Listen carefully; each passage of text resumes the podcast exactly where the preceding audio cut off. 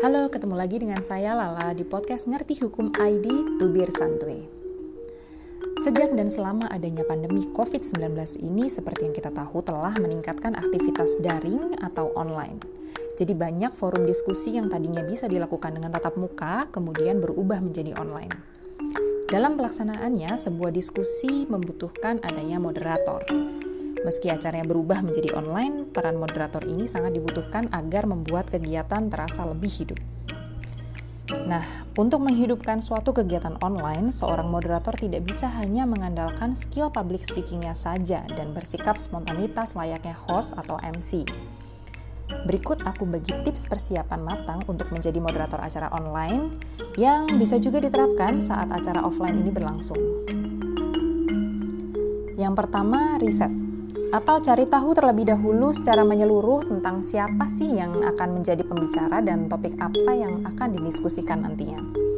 Jika ternyata topik dan pembicaranya adalah hal yang kita mengerti dan kita sukai mungkin, maka beruntunglah kita.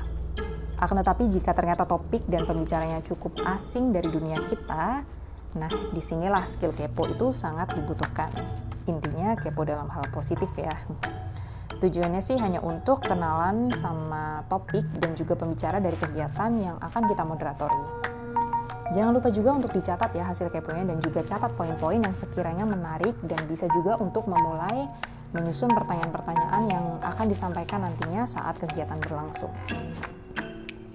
Kemudian tips yang kedua, menyusun cue card moderator. Memang sepele namun hal ini penting untuk dilakukan agar fondasi sebagai moderator ini menjadi semakin kuat. Yang perlu diingat, cue card ini berbeda dengan susunan acara. Cue card itu e, bersifat lebih lengkap karena berisikan contekan yang dapat membantu kelancaran berbicara saat menjadi moderator. Urutannya bisa dimulai dari membuka diskusi dengan perkenalan diri, kemudian mengenalkan pembicara, dan kemudian membahas topik-topik yang sekiranya nanti akan diulas pada uh, acara diskusi. Nah, setelah diskusi dimulai, jangan lupa untuk merangkum poin penting pemaparan pembicara. Kemudian, ajukan pertanyaan terlebih dahulu dan bukalah sesi tanya jawab. Sampailah di penghujung acara, setelah sesi tanya jawab selesai, tutup kegiatan diskusi dengan mengucapkan terima kasih dan tutup dengan kalimat yang berkesan. Bisa juga dengan menggunakan pantun atau tagline hasil diskusinya. Yang terakhir, tips yang ketiga dan mungkin paling simpel hingga sering disepelekan, yaitu melafalkan cue card yang sudah disusun tadi. Intinya berlatih, minimal uh, sekali saja.